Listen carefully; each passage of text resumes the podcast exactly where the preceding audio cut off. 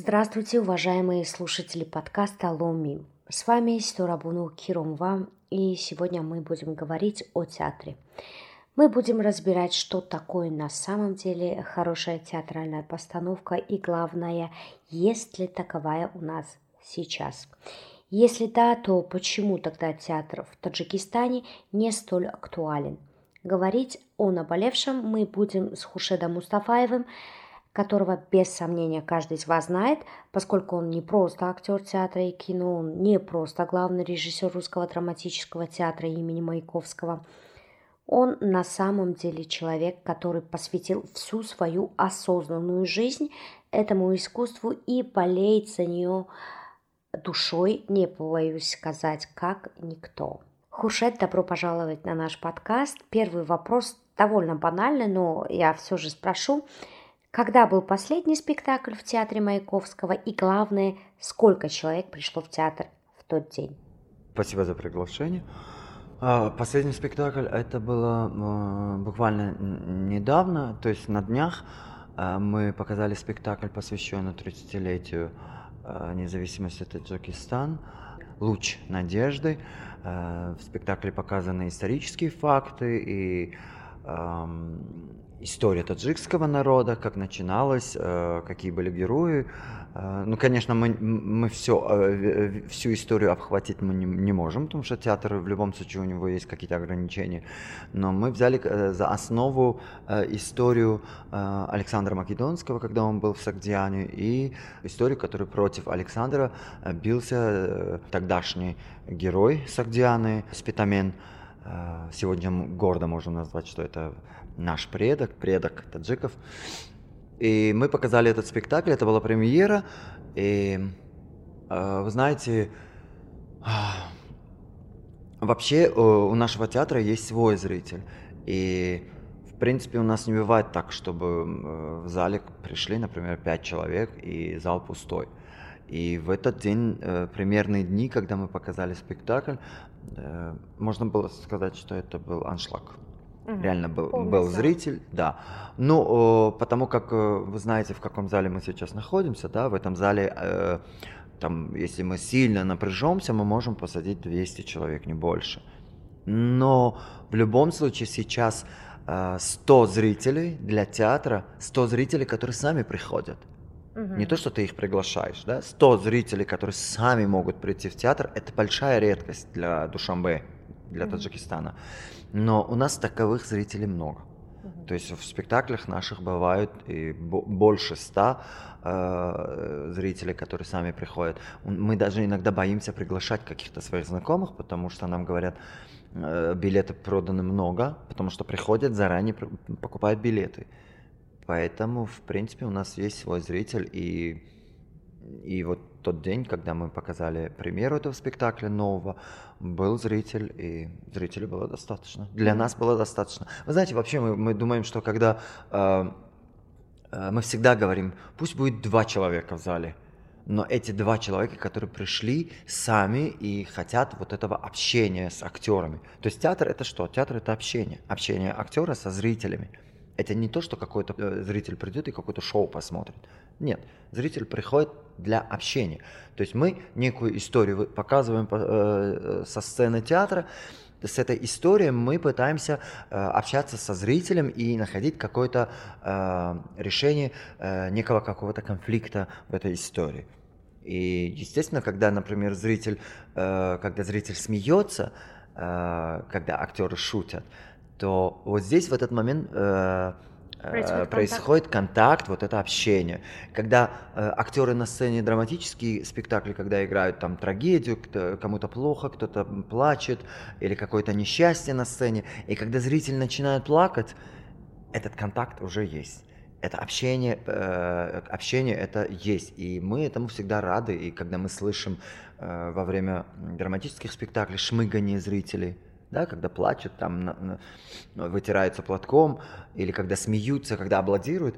То есть это всегда приятно, потому что ты думаешь, да, общение состоялось. Это замечательно. Поэтому для, для меня, например, не важно, будет зал битком или нет. Пусть будет, как я сказал, два человека, но те два человека, которые ценные, которые сами пришли, которые не будут мешать, да, как многие мешают, когда, а, особенно когда студенты и молодежь приходят, не понимают театр и начинают, когда актер плачет, они смеются. Угу.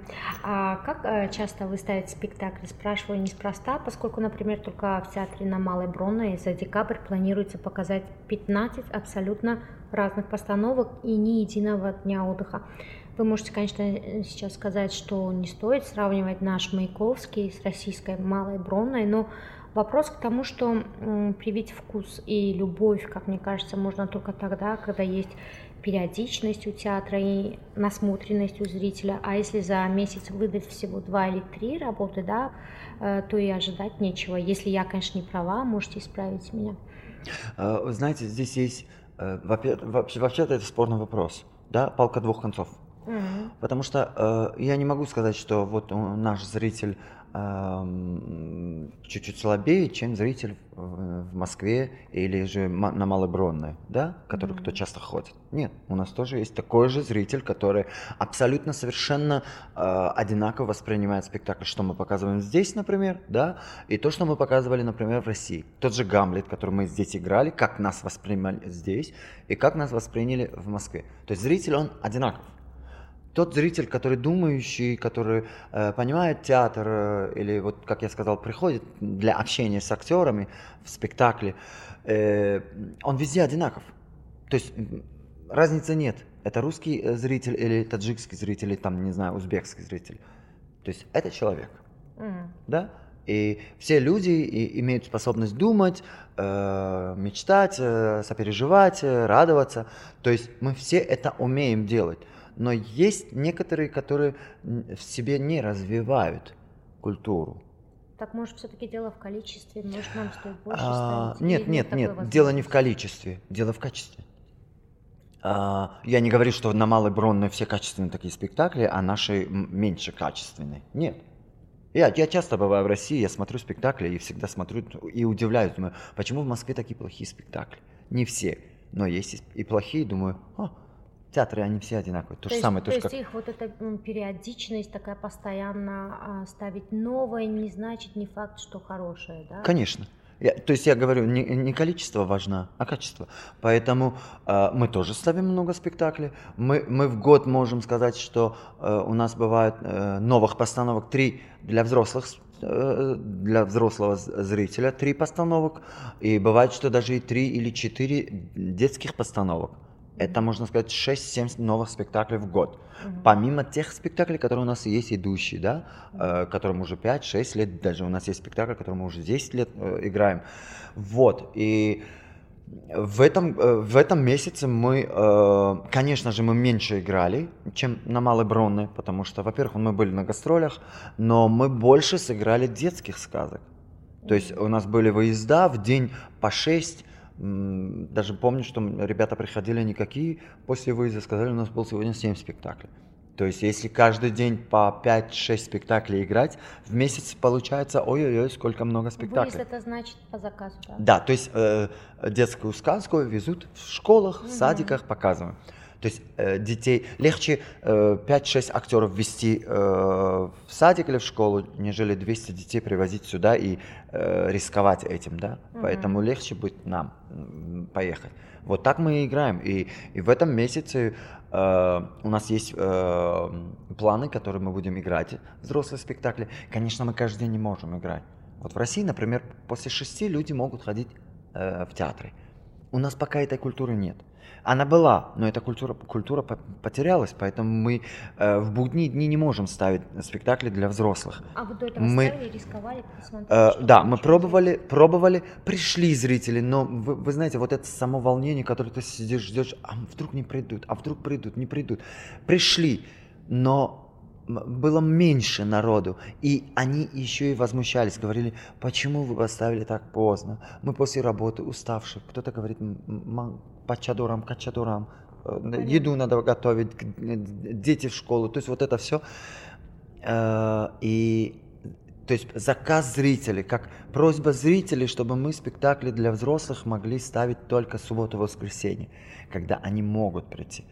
И мы, в принципе, так и делаем. Но в течение недели, в будние дни у нас бывают взрослые спектакли только по заказу, когда институты просят. Вот недавно у нас был показ э, спектакля э, «Ночь в театре» по э, пьесам Антона Павловича Чехова э, «Медведь» и э, «Предложение».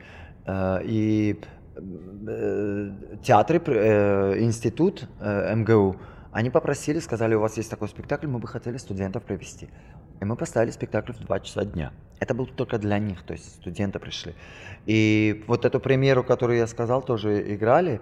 Мы через два дня потом э, еще раз показали спектакль этот, и заказ был принят э, театром от э, пединститута mm. нашего. Они пришли, попросили, сказали, у нас есть вот э, русский факультет, мы хотим прийти к вам на спектакль именно вот на этот. И они пришли. Удивительно, вот я хочу этот э, момент вам сказать, удивительно, что студенты пришли. Во-первых, нам позвонили, сказали, что 150 человек будет. Мы думаем, ага, значит, мы где-то 5-6 человек можем своих позвать, пригласить. Мы пригласили, в оконцовке мест не было. Студенты все пришли. Мы обычно всегда говорим, а, студенты многие не придут. Если 150, то придут 120, ну 100, вот так. 150 полностью не придут. А в этот день пришли. И мы потом таскали стулья, чтобы этих э, студентов посадить. Но самое удивительное другое, что эти студенты как сидели, слушали.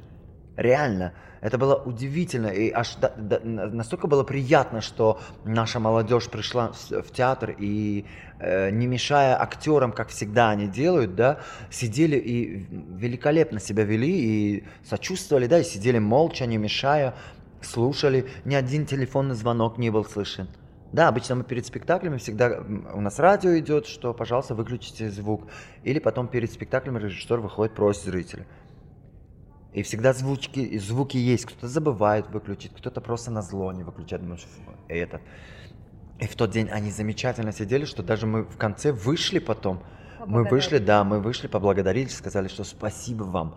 Это радует, что молодежь вот так принимает театр, и вы вот так сегодня себя вели.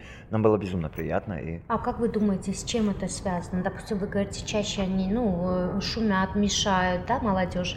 В этот раз э, все-таки дело было э, в постановке или в помещении? В чем дело было? Нет, Почему? нет, нет. Не, не, э, может быть, еще и постановка, э, то, что, то, что свое увидели да, о своем народе. Может быть, это тоже сыграло бы, да. Хотя у нас и студенты приходили и, в, и на Гамлет. На Гамлет пришли а, одни студенты, которые замечательно себя повели, хорошо сидели, а другой день пришли другие, которые с другого института. Может, от вуза тогда зависит? От вуза тоже зависит. От вуза тоже зависит. Например, мы с удовольствием, например, теперь будем с удовольствием, когда нам скажут, что пединститут у нас сегодня будет, мы с удовольствием будем их ждать, потому что они уже себя показали. Mm-hmm. Да. Э, мы с радостью всегда играем в спектакли для Славянского института, МГУ. Да. Э, мединститут не помню, приходили или нет, но, скорее всего, приходили, но я не помню. Но были, которые Часто к нам приходят студенты, но чаще всего многие из них начинают болтать. Э, все же, получается, есть проблемы со зрителем, так или иначе, у нас в Таджикистане. И как вы думаете, э, в чем все же проблема? Почему у нас театр э, не любят так, как его любят, допустим, в других странах? Этот вопрос менталитета, может быть, вопрос сложности тем. Вы говорите, некоторые темы вот принимаются хорошо, какие-то нет, допустим, с Камли там, да, не совсем всем может быть понятно.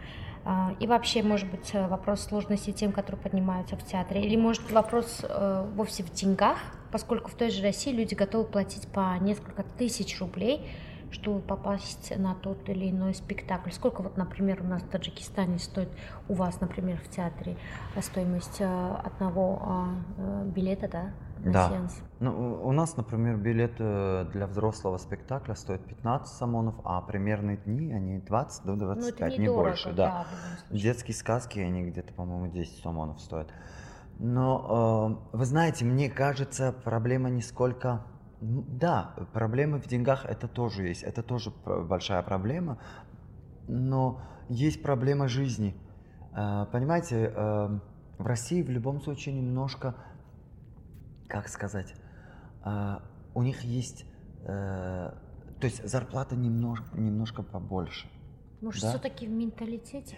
Менталитет, да, но я думаю, что менталитет тоже в этом есть, потому что, э, но я не говорю, что в России, э, э, в России, вы думаете, тоже, например, те, которые э, ходят в театр, они, э, как его, э, то есть, э, давайте скажу вот как, смотрите, берем Россию и берем Душамбе, да, Таджикистан, Москва и Душамбе, угу. вот так я возьму.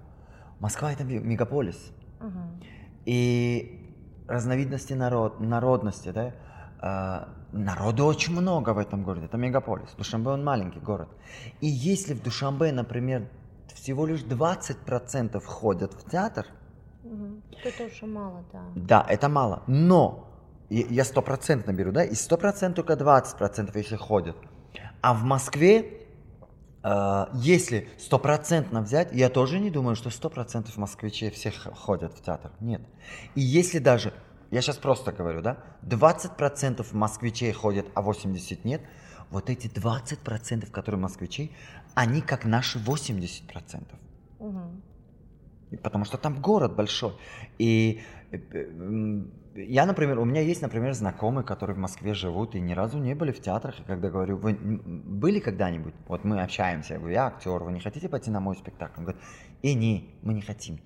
Mm-hmm. Я, я не понимаю это искусство. Это говорит мне русский человек.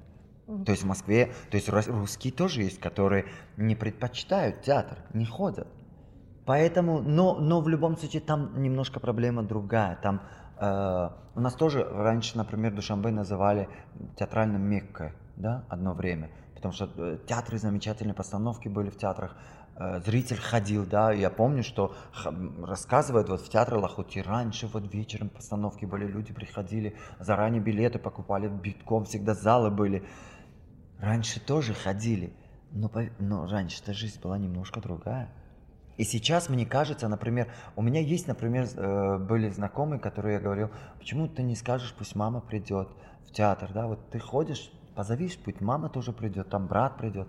говорит, ты понимаешь, говорит, я несколько раз приглашал, мама, говорит, занята домашними, домашними делами. делами. Она работает, и говорит, после работы она, она занята этим, как прийти покушать, кушать приготовить, да, успеет ли пойти лепешку купить. Или если у нее денег поменьше осталось, говорит, она рассчитывает на свой месяц эту свою зарплату. Естественно, для нашего народа прийти просто в театр, даже эти 15 самонов дать, вместо того, чтобы купить лепешки домой, это тяжело для них, я это понимаю. А говоря о зрителях, вы сравнивали, давайте попробуем сравнить, э, допустим, наших зрителей с российскими. Вы же часто выезжаете в гастроли. Я могу единственное сравнить? сравнить наш зритель с российским. Да, одна из них, например, моя мать. Я по ней могу сказать. Моя мама очень любит театр, она очень любит кино, она вообще человек искусства, да, она любит искусство. Я по ней знаю, она советский человек. То есть она меня и воспитала. То есть во мне она вот эту культуру и вложила, моя мама. Я видел, что моей маме нравится то-то, то-то, то-то. И я когда смотрю, что ей нравится, естественно, я тоже заинтересуюсь, и я этим потом пользуюсь. Но э, да, это зависит от родителей. То есть если э, те люди, например, которые советские были, э, Почему-то некоторые из них ходили сами в театр раньше, но в своих детях они вот эту культуру не вложили. Они не воспитали своих детей так, как надо, угу. да, чтобы у них было мировоззрение другое. Не то, что в, в каждом человеке нужно э, воспитывать куль, куль, культуру, да, искусство, искусство, скажем, не культура. Культура это другое. Но вот это э, мировоззрение, то есть они не, не обучают своим э, детям, взрослые. И до сих пор так. Вот смотришь, думаешь, почему ты своему ребенку культуру э, хотя бы общения не, не обучаешь? Ну почему твой ребенок так общается со взрослыми? Элементарно ассалом не говорит ребенок. Посмотришь, думаешь, почему? Родитель, я говорю, почему не здоровается? Он говорит, хай калон мешат мекунат. И, нет, сейчас ты научи. Калон мешават, он хар мешават потом. Да, меня извините, так грубо я сказал. Но так оно и есть. А насчет того, что наш зритель и российский, я до этого чуть-чуть раньше сказал, что в принципе он одинаков. Mm. То есть это же люди. Те, которые приходят уже в театр, они уже другие. Да, они, у них мышление другое, у них культура другая. И тот человек, который э, культурный человек, он и в Таджикистане культурный, и в России культурный, и в Африке культурный, да, и в Европе культурный. Они все одинаковые. Вот когда бывает, например, э, э, вот, например, за наши гастроли, да, если так сказать, мы показываем эти спектакли и у нас. И мы показываем там. Но бывают даже моменты, что здесь даже в Душанбе лучше воспринимать, чем в России. Может, дело в постановках, может, все-таки, как вы говорите, близкая тема э, их Нет, нет, например, Гамлет или Тартюф. Вот Тартюф наш, например, он не такой Тартюф, как всегда ставят, да, как знают его. Комедия, буф, там э, красочно все. Но у нас она черная комедия. Все актеры в черном, макияж, грим черный, декорация черная, музыка мрачная. И то есть э, это черная комедия. Мы смеемся над ситуацией, которую написал Мольер, да? И у нас его воспринимают по-другому. И вот последний раз, когда мы были в, в, на гастролях, конечно, мы были э, и в Москве, когда показывали, в Москве замечательно приняли, да, Тартюф? Но почему-то в этом году, когда мы были, в, этом, в одном городе, где мы показывали Тартюф, его не поняли. Mm. И зал а сидел просто город? мертвый. Они сидели мертво, смотрели на спектакль, не могли понять, в чем дело. Это было в Ярославле. И после спектакля, да, конечно, актеры театра пришли, они были восхищены, они сказали спасибо. Э, говорят, мы первый раз видим такого Тартюфа, такие костюмы, оригинальный наход, оригинальный ход с этим Тартюфом. Говорит, замечательно, говорит, было интересно на это смотреть. А зрители, например, когда выходили, многие сказали, мы видели Тартюф, мы видели красочную, а это какой-то мрачный. И они не поняли. Это русский зритель. Они не поняли, что в афише написано черная комедия. Вообще Мольер написал черную комедию. Я не могу понять, почему его всегда показывают красочным, танцевальным, песни, там танцы, шутки такие какие-то банальные. А мы его не сделали таким. А мы кто его... был этим э, режиссером? Режиссером спектакля э, Бахадур Миралибеков и э, художником-постановщиком был я. И мы с режиссером сделали так, поговорили, что мы не будем делать вот эту легкую комедию. Потому что, ситу... да, всегда делают, я тоже это понимаю, то есть э, на тяжелую ситуацию смотрят с другой стороны, да, более легче на это смотреть. Но мы сказали, а давайте мы, мы сделаем так, как есть.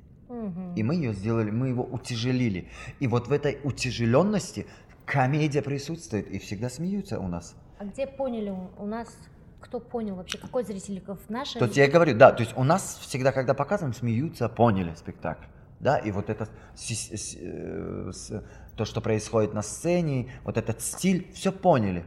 Да, даже зрители были, которые сказали, какая актуальная тема да, который священник приходит обманом, э, хочет себе забрать все богатство этого человека, который ему по доброте душевной попытался помочь. Священник, да, вот эти мулы, как, сейчас происходит. То есть эта тема э, актуальная очень. И это поняли наш зритель, понял. То есть я о чем говорю. То есть в России в любом случае понимают это. Раз у нас поняли. И там тоже понимают. То есть зритель тот зритель, который приходит в театр, сам приходит. Априори он, уже. Да, он, он, он одинаков, где бы он ни был. Конечно, когда ты человек, который не знает театр, ты заставишь, принесешь, посмотришь, он будет дико на тебя смотреть, что это, как это. Естественно, он другой, он не понимает. И такой зритель везде такой, который первый раз придет. Угу. Да, что он русский будет, что он таджикский, Хоть что на там. Марсе, да? Конечно. Поэтому думающий человек, он в любом случае другой. И он везде одинаков. А то, что театр Маяковского продолжает переживать уже несколько лет свои сложные дни, мы все знаем, то есть с тех пор, как здание театра в центре города снесли, так вы и мучаетесь, по-моему, да, с тех пор. Вам дали новое здание, но, как я поняла, это не уменьшило страдания коллектива. Можете рассказать, в чем именно сейчас проблема вот со зданием связана? Когда вы его получите? Я не знаю. Вы знаете, э, мучение, можно сказать, мы Или мучились. Кроме здания еще какие-то другие проблемы? Но мучения это были, вот первый, первый год было мучений, потому что самое сложное это было то, что мы потеряли, да, сносили это дом, который мы э, в нем работали, жили. Но потом, перейдя сюда, нам то, что предложили временно, чтобы мы были здесь, э, на третьем этаже, в малом зале Лахути, чему мы очень благодарны театру Лахути, руководству, что они нас приютили, взяли к себе. А сейчас мучений нет, потому что мы привыкли уже к этой сцене, и даже нам, наоборот, нравится эта сцена, потому что эм, театр — это общение, да, это общение зрителя с актерами. И вот это общение в этом зале потрясающе проходит, потому что очень близко сидишь, и ты, ты чувствуешь дыхание э, зрителей, зрители чувствуют твое дыхание, и вот этот э, тандем между зрителем и актером, он очень здесь кайфово проходит.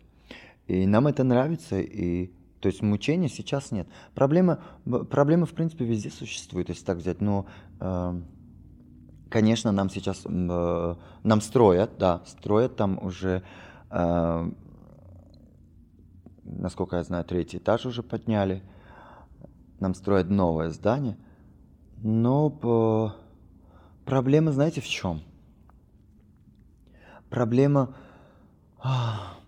единственная большая проблема, это, э, это то, что зритель не приходит в театр. Мне кажется, вот это, потому что э, если человек, творческий человек, э, у творческого человека не, долж, не должны быть какие-то, э, как сказать, границы, да? Если творческий человек скажет, что у меня денег нет, я ничего не могу, не хочу, он не будет ничего делать, да? Как, как говорят плохому танцору, Понятно, да. И то же самое, если мы будем говорить, у нас нет здания, дайте нам большую сцену, дайте нам аппаратуру, дайте нам свет. Мы так не можем работать. Так может говорить только, только плохой творческий человек. А настоящий творческий человек, он будет творить в любом месте. Может, не знают, где находится здание театра Нет, знают. сейчас Маяковского? Знают, мы уже 6 лет здесь. 6 лет, хорошо. 6 а лет где будет есть, новое и здание? Новое здание, это будет э, вот бывший кинотеатр Таджикистан. Ну, уже этого кинотеатра нет, то есть на его месте его как бы снесли и с нуля поднимают, то есть новое здание, очень современное, красивое, мы проект видели, он очень красив. И вот мы теперь ждем, когда же это все закончится, и мы перейдем туда. Но, конечно же, мы сейчас даже, у нас даже такое, что думаем, а как мы там будем с этими спектаклями? Потому что это маленькое место, и мы все спектакли, которые вот за эти шесть лет поставили, они все вот такие камерные. Но нам сказали, что там есть еще и малый зал. Эти mm-hmm. спектакли будут для малого зала. А в большом зале мы уже будем восстанавливать те, которые у нас были, и уже как бы новые работы, которые будут э, ну, для большой сцены. Там уже будет все новое. Ну, думаю, ну да, мы в свое время боялись этой сцены, говорили, как мы тут будем, здесь маленькое все. Однако вот оно и есть, я говорю, что то есть человек привыкает, адаптирует себя к тому, что есть вокруг мы садаптировались, и мы работаем, и у нас неплохие спектакли, и мы уже который год ездим на фестивали и гастроли в э, Российскую Федерацию с нашими спектаклями новыми, которые на этой сцене мы поставили. И достаточно хорошие отзывы от зрителей и критиков России. Думаю, что это неплохо.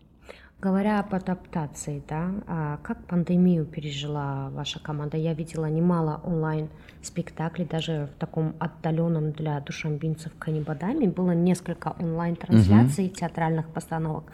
Вот как этот отрывок времени провел театр Маяковского?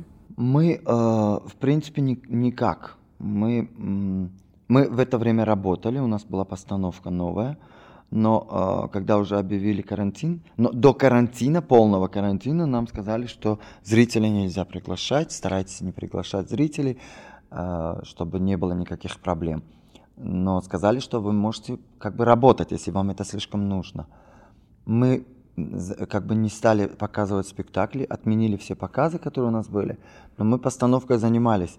И мы занимались так, как, э, как сказать, тоже как бы ограничили это тоже спектакли, спектакль массовый был, но мы пытались э, каждый день брать некие сцены, да, вот отдельные сцены, чтобы все сюда не приходили.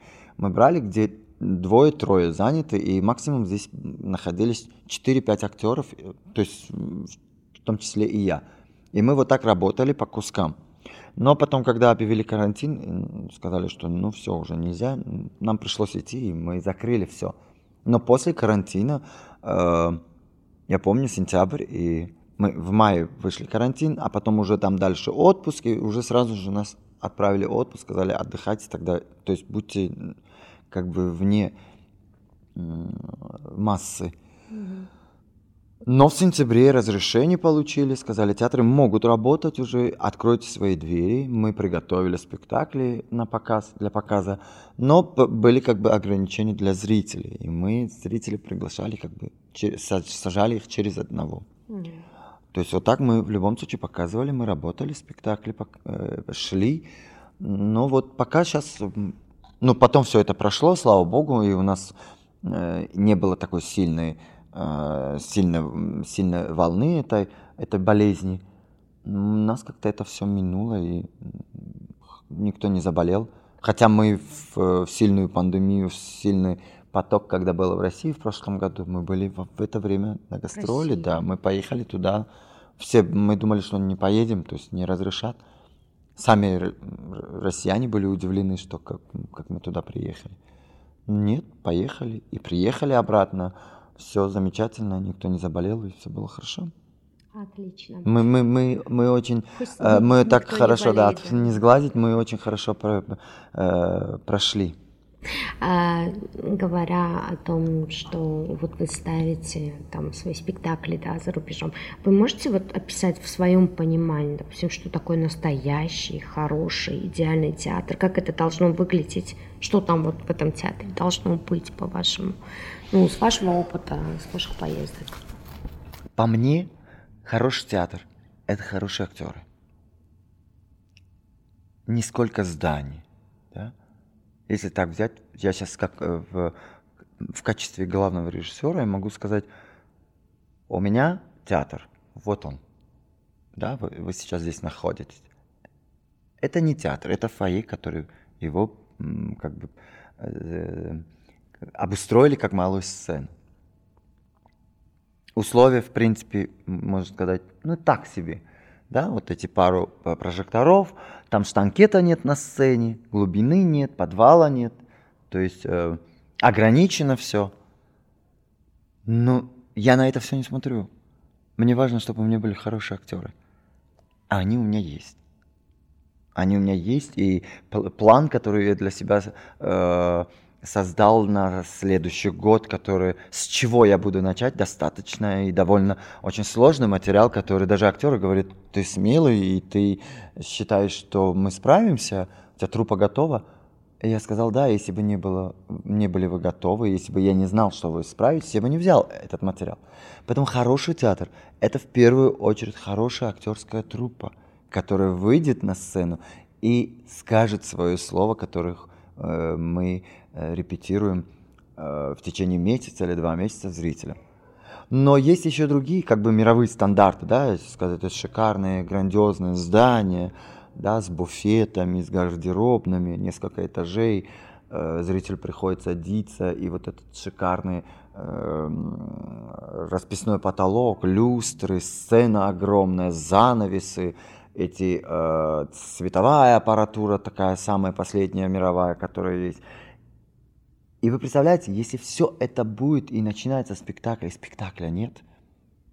А какой и когда нету, нету, спек, нету на сцене хорошего актера, который выходит, у него нету живых этих глаз, не видишь, и зрителя это не завораживает, зачем нужно такое здание огромное, красивое? Хорошо, а что в вашем понимании тогда э, хороший спектакль? Вы можете назвать самый последний, который у вас вот... Прям... Я поэтому, я, я, я и говорю, что хороший спектакль – это хорошие актеры. А который вам запомнился, я имею в виду. Который я посмотрел? Да, который вы посмотрели. Который прям шибко запомнился. Вот эти два года, которые мы ездим на гастроли и на фестивали, мы, мы пытаемся посмотреть хоть какие-то спектакли. Вот за эти два года, если сказать на фестивале, что-то я хорошее посмотрел, нет.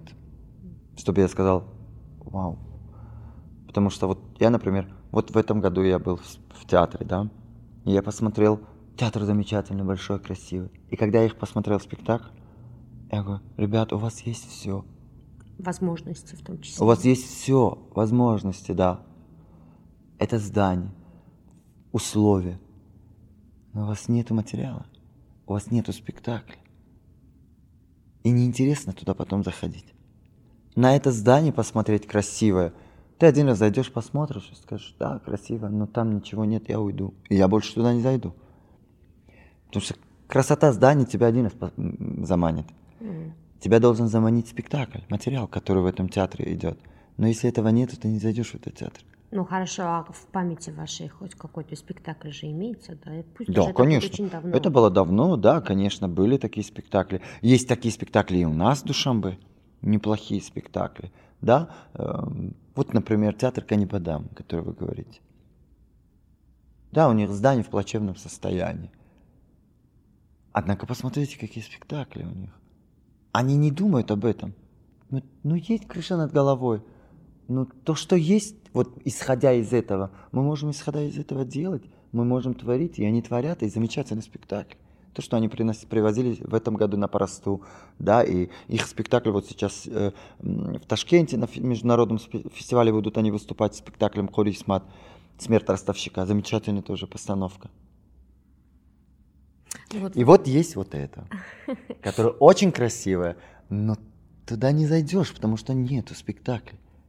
А вот, вот эти спектакли того же самого Канибадама или... Но я это не говорю к тому, не, не, чтобы меня правильно поняли, чтобы люди не говорили, а, театрам не нужно, чтобы шикарно было, чтобы условия было. Их вон в подвал положите, они в подвале тоже будут, это же актеры, они должны... Что? Нет, дело не в этом. Я не, я не буквально в смысле это говорю. Да? Конечно, это все в тандеме. Если будет замечательное здание, замечательная трупа, великолепный спектакль, и наплыв зрителя пойдет. А вот критериям отвечает та же самая, вот, э, тот же самый театр, допустим, Канибадама, мировым критериям постановок? Ну. Постановки, да.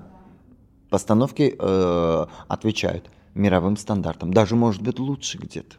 А в чем вот именно по-вашему лучше? В игре, да, получается? Актеры. Актерах. Да? Когда актер на сцене живой, когда актер начинает работать и передавать то, что просил режиссер, то, что хотел режиссер, и когда это происходит, и вот это общение потом происходит, зритель понимает и идет навстречу и кайфует от того, что происходит, кайфует, если комедия, плачет, если это трагедия, то спектакль состоялся, думаешь, да, замечательно. А что сейчас вы ставите? У нас сейчас вот мы, э, мы ставим э, детскую постановку к Новому году, да, для наших малышей, для праздника, а, что очень радует в этом году. И а, у нас вот сдача нового спектакля, вот эти деревянные штуки, которые вы сейчас у нас видите, это э, спектакль э, по Островскому «Женитьба Бальзаминова». Мы вот на днях хотим сдать спектакль, но, скорее всего, примеру мы сыграем уже после Нового года, потому что мы не успеем, мы должны уже идти на новогодние э, представления для детей, и мы хотя бы его сдадим. Сейчас мы работаем, я его сдачу жду. Сдам спектакль и премьеру уже потом после Нового года. И после Нового года уже пойдут новые постановки, другие, которые... На самом деле нужно радоваться, что детишек, даже если это всего лишь часть программы обучения, да, допустим, угу. детей обучения, они хоть с детства как-то можно будет привить в них эту самую любовь. Я тоже помню, я тоже выросла на э, спектаклях того же самого Ахуруна, э, Маяковского, да, театра. То есть для меня это что-то очень святое, и мои дети ходят по сей день действительно там переживать, что это постановка всего лишь детям. То есть не надо переживать, наоборот, надо радоваться, что есть дети, да? Конечно. Конечно. Детские спектакли, они самые, в принципе, для актеров, они самые любимые. Актеры с удовольствием играют детские спектакли, потому что э, самый благодарный зритель – это ребенок они самые благодарны. Вы не представляете, насколько они радуются, когда, когда заканчивается спектакль, и как они аплодируют. Всегда был контраст такой, я всегда э, э, старался смотреть и запоминать, как же все это происходит. И вы знаете, все время я вижу, как детский, э, ска, детскую сказку, когда мы играем, как ребенок благодарит актеров и как благодарит актеров взрослый зритель. Дети, вот эти их бурные овации, визги, это чего стоит. Поэтому мы больше любим показывать, как бы играть детские сказки и как ждем детей, когда к нам приводят, когда они приходят. На этой прекрасной ноте можно будет завершить. Спасибо. Мы надеемся, что театры спектакли в Таджикистане будут соответствовать названным выше вашим критериями в ближайшем, дай бог, будущем. Дай бог, да. Если, если театры будут ставить хорошие спектакли, зрители к ним придут. Спасибо, Хуже. Удачи!